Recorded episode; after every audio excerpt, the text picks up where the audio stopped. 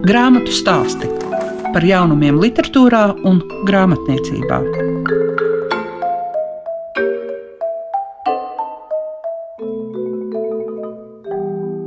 Šķiet, šodien grāmatu stāstu klausītājiem jāsaka, ka dažādībā spēks.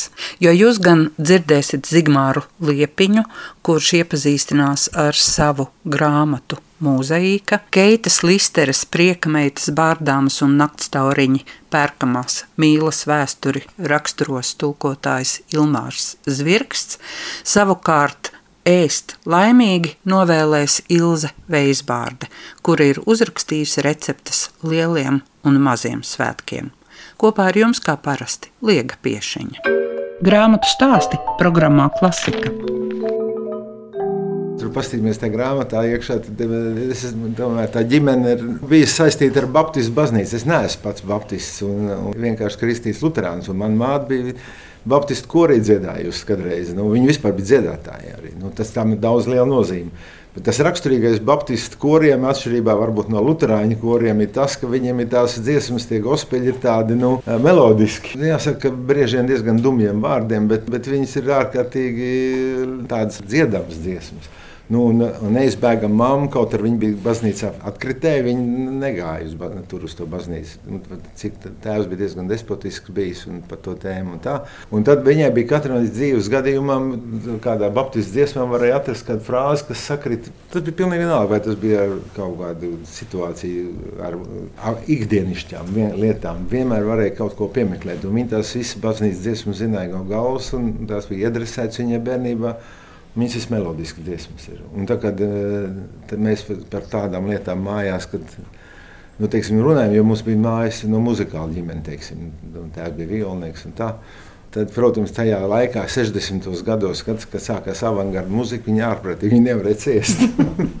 viņai tas nepatika. Un viņa zina, ka vienmēr bija kaut kāda runa. Un, protams, es jau neizbēgami arī kaut kādā brīdī pievērsos, ka, kā jebkurš jaunības maksimālists, visam, kas ir tajā brīdī aktuāls. Nu, tad viņi bija diezgan priecīgi, kad es parādīju kaut kādus pirmos savus gabalus, ko es uzrakstīju. Tomēr tā kā viņai tas patika, un tā pirmā dziesma bija ķiršu lietas vai kaut kas tamlīdzīgs. Nu, beidzot.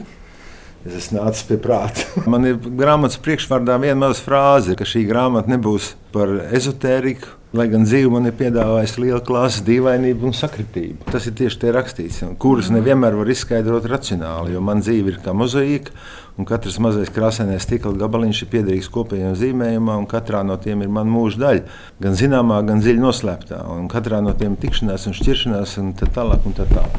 Tas ir nu, tā notiek. Nu, es nevaru izskaidrot daudz ko. Mm. Jā. Kāpēc? Nu, tas ir acīm redzot, nu, kaut kā liktenī rakstīts. Jā, un es varētu norakstīt to pašu sākumu. Gan jau nu, labāk būtu, ka tas būtu Lunčs Aboliņš. Es. atvainojos, es man ir gan slikta dikcija, gan arī tas izteiksmes veids, bet nu, es kaut kā pūlēšos. Sākums. Es atceros, kā piedzimu. Pareizāk, kā nonāca savā ķermenī. Man rādās, pavadīja divus stāvus violetā nokrāsā. Viņi bija blakus, stāvēja un skatījās. Telpa bija tumša, sārta un tad kā pa slitkalniņu. Baila. Pēkšņi viss atmiņas pārtrūkst. Kādu dienu, lasot Maikla Ņūtona grāmatu Vēseļu ceļojumus, uzduros tieši tādam pašam aprakstam. Tie divreiz esot skolotāji un pavadoņi, un viņi pārbauda, vai viss kārtībā, vai dvēselīt atrod jaunās mājas, un vai viss notiek pēc plāna. Atceros vēl vienu ļoti agrīnu epizodi. Guļu atvērtām acīm, un man priekšā milzīgas bumbas. Tās ir baltas un kustas uz augšu un uz leju. Ir mitri un silti. Te pēkšņi aiz bumbām parādās seja, kas cieši manī skatās. Man ir prieks, es viņu pazīstu, tā ir mana mamma.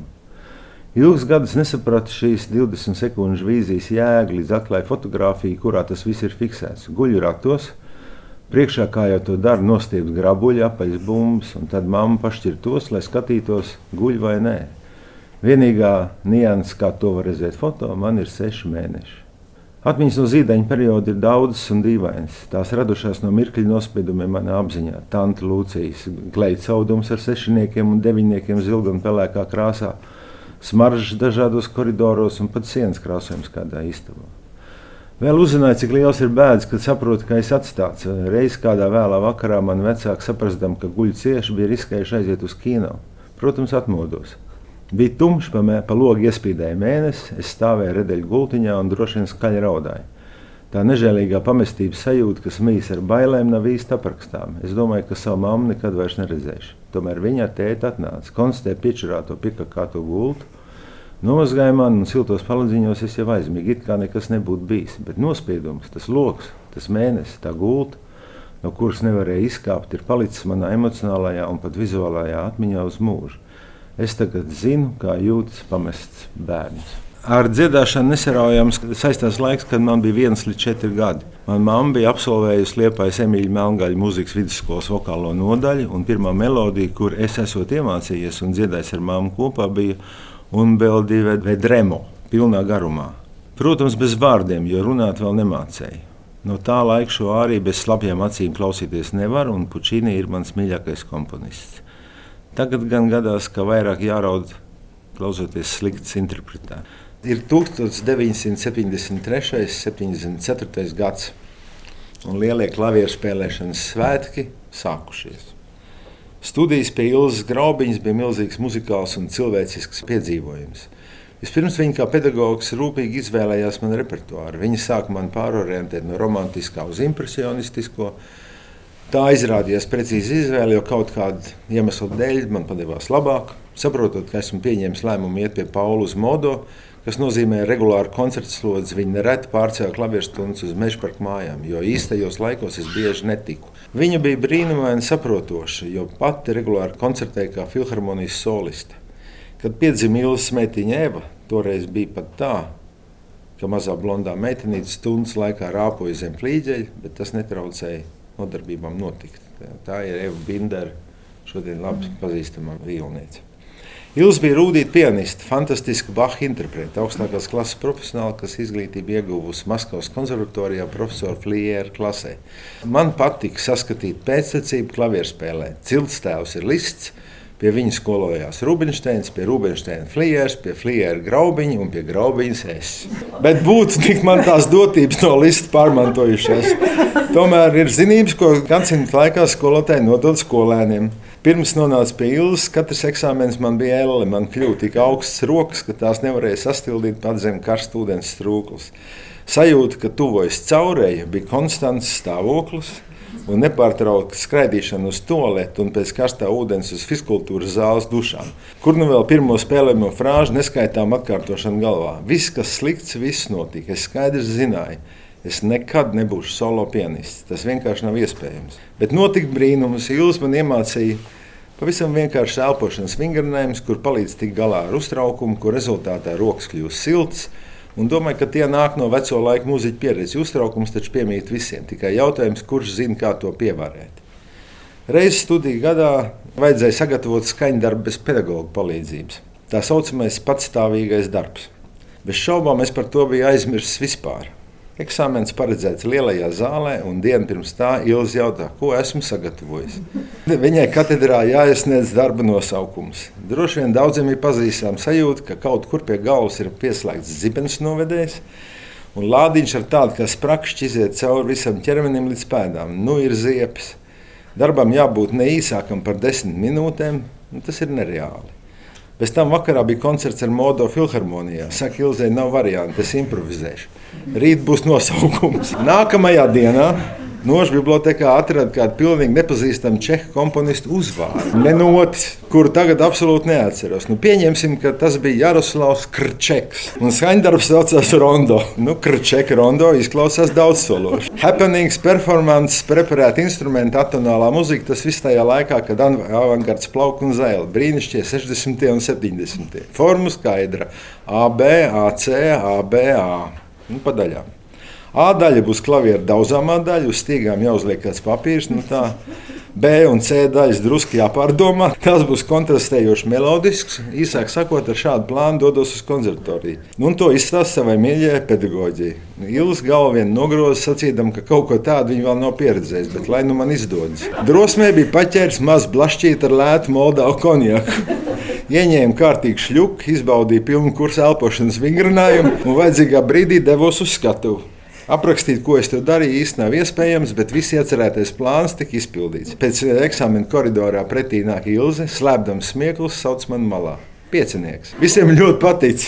Katedras vadītājs Konstants Blumentāls esot jautājis Ilzai, vai varot dabūt šī darba nots. Viņam esot viens pēdējā kursa students, kuram vajadzīga miniatūra valsts eksāmenam. Šis darbs noderētu. Viņi nu locīsies ārā stāstīt, ka nots ir bijušas sadabūts neskur, viņam nesot sekojis, jo tas taču ir pastāvīgais darbs. Tādā garā tas arī viss pagāja. Viņi man pestīja ārā visādos veidos, spēlējot klavieru koncertu, kad viņi spēlēja orķestra partijas solo. Ir bijis tā, ka ar ceļiem klavieris pavēlk dažus centimetrus uz sevi, un viņa nemanot ar rokām savējās pastum uz priekšu. Tas klavieris ir blakus divus. Jā. Rezultātā izveidojas nobīde, kas ļauj man it kā pārņemt, šūpojoties kaifā, ieskatīties notīs viņas klavierēs. Vajadzības gadījumā pietika ar mikrosekundi. Grāmatu stāsti tiem, kam grāmatu lasīšana ir vērtība. Ilmārs Zvirksts tulko visdažādākās grāmatas, un pavisam nesen viņš iepazīstināja ar savu grāmatu reģistratūru. Šodien arī viņš aicinās mūs lasīt kādu visai amizantu grāmatu. Vai mēs varam pievērsties arī Listeras Keitas veikumam, kur ir šī prieka meitas, bārdāmas un naktas tauriņi, kas ir pērkamās mīlas vēsture, kas ir iznākusi Jāņa Rozes apgādā. Un tas bija ārkārtīgi skaists un uh, krāšņi ilustrēts darbs. Un tad, kad es tulkoju Keita Listeras grāmatu par uh, prostitūcijas vēsturi dažādos laikmetos, es ļoti vēlējos atrast analoģisku grāmatu vāciski, kur man šķiet pat man bija kaut kur, un kas saucās Lielā prostitūcijas enciklopēdija, kas bija vēl krāšņāk ilustrēts darbs, un Keita Listeras to nekur neatsaucās.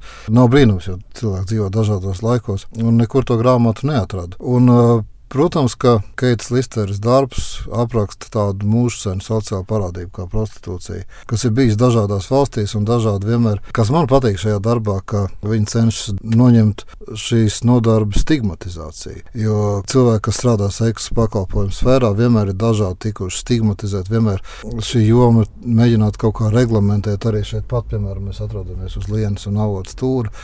Piemēram, te aptiek bija kopš cara laikiem un vienmēr te stāvēja ielas meitas.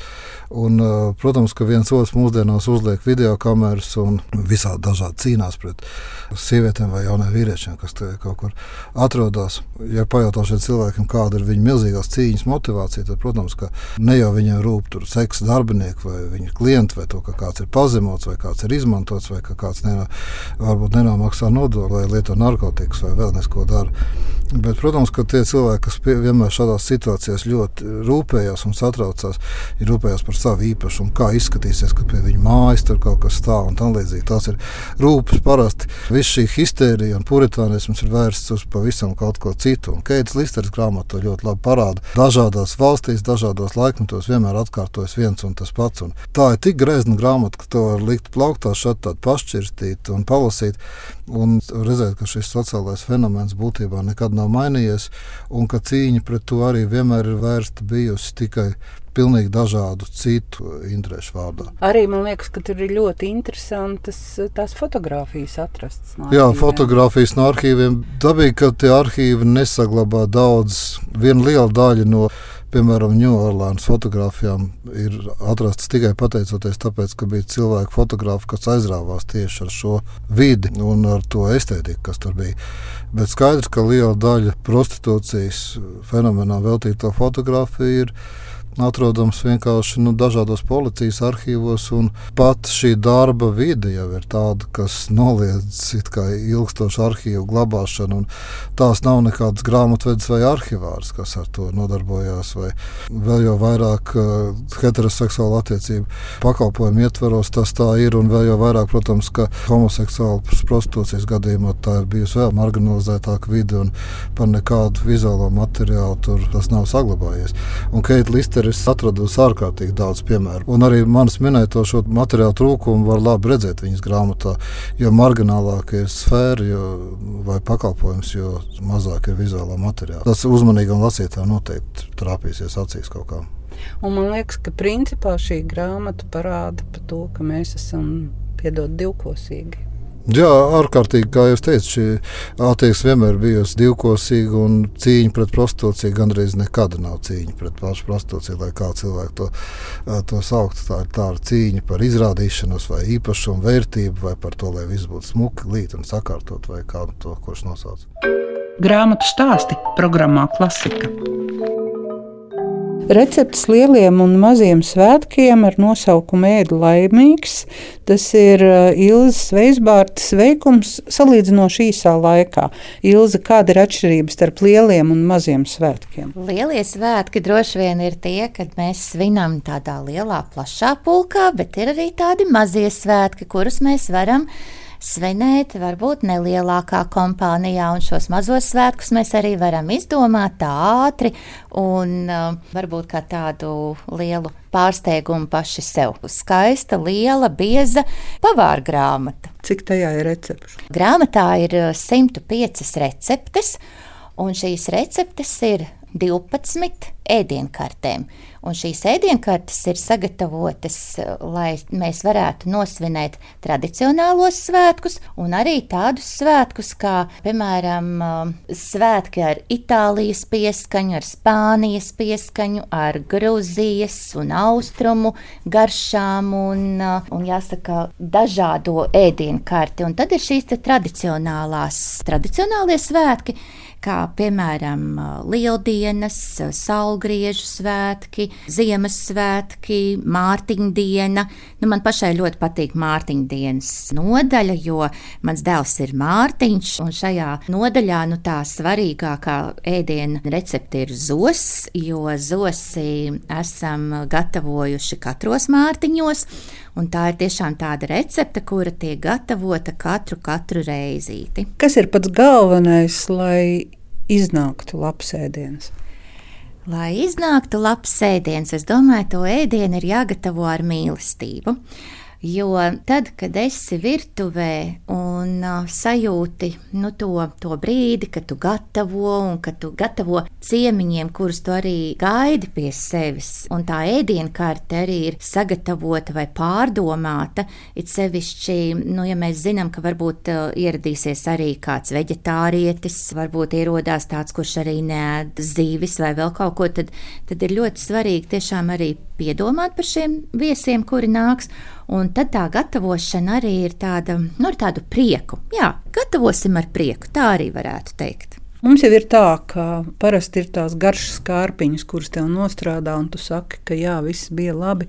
Bet, ja jau tā ir pavāra grāmata, mums tomēr ir ļoti svarīgs šis vizuālais materiāls. Un tevi jau brīžam arī priecīgu var redzēt, gatavojot tieši. Bet kā tieši arī tas vizuālais tēls veidojās tajā grāmatā? Lai sanāktu tiešām arī skaista tā grāmata, jo, protams, pavāra grāmatu šķirstot, mēs no sākuma ēdam ar acīm. Un tad, kad mēs šķiram lapas pusi pēc lapas puses, tad mēs redzam, oh, jā, šī ir garšīga, tā ir garšīga recepte. Un, protams, tas ietērps ir ļoti būtisks, un tāpēc arī veidojot šo grāmatu, tika piedomāts pie komandas, kādā sastāvā mēs strādāsim.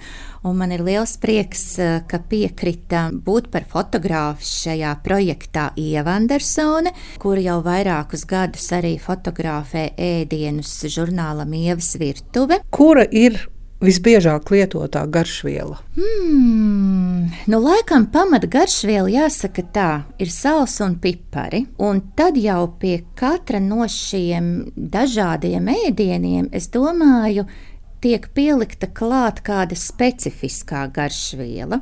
Virtuvē es bieži vien izmantoju vidusjūras kādu kopējo miksli, kas ir Provansas garšviela, vai ir tāds meksikāņu mikslis, kurš arī labi iedarās pie gaļas ēdieniem. Tad man patīk arī mikslītis brušetai vai mozzarellai. Nu, katrā ziņā tur jau ir jau tāds uh, garšvielu komplektiņš, kurš mūsu garšas kārpiņām ir arī ļoti patīkams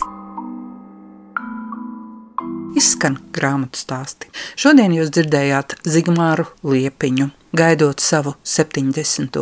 dzimšanas dienu, viņš ir sarakstījis atmiņu grāmatu Mūzeīka. Keitas Listeris, Priekameitas Bārdāms un Naktstauriņi ir pērkamās mīlas vēsture. Savukārt Ilze Veisbārde piedāvāja iepazīties ar receptēm lieliem un maziem svētkiem ar nosaukumu Ēda laimīgs. Uz tikšanos citu trešdienu saka jums Liega Piešiņa.